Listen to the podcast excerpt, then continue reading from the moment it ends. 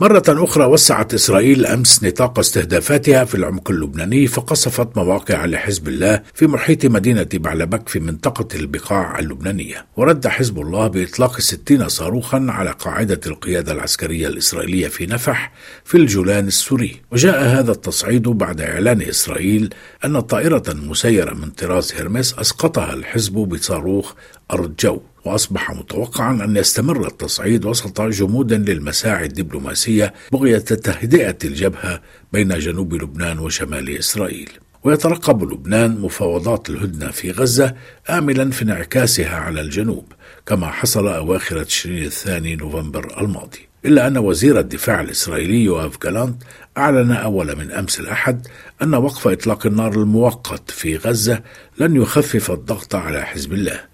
فإسرائيل ستكثف عملياتها كي يسحب قواته من المنطقة الحدودية إما باتفاق أو أن إسرائيل ستفعل ذلك بالقوة.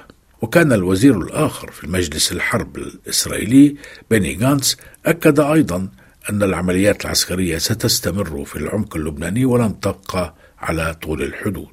وقبل ذلك كان وزير الخارجية الإسرائيلي إسرائيل كاتس أطلق التحذيرات نفسها.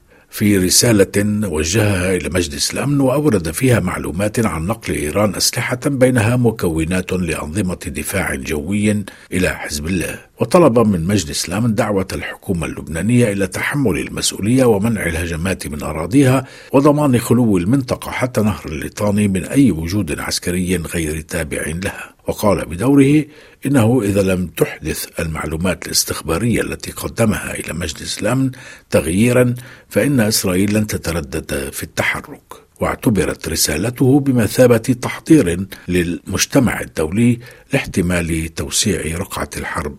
مع لبنان. وإذ أعلن وزير الخارجية اللبناني عبد الله أبو حبيب استمرار الجهود الدبلوماسية لاحتواء التصعيد ربما عبر الورقة الفرنسية التي تقترح تهدئة على ثلاث مراحل تنتهي بالتفاوض على تنفيذ القرار 1701 فإن نائب الأمين العام لحزب الله نعيم قاسم أكد جهوزية عالية للحزب في مواجهة أي تحد مهما كان الثمن.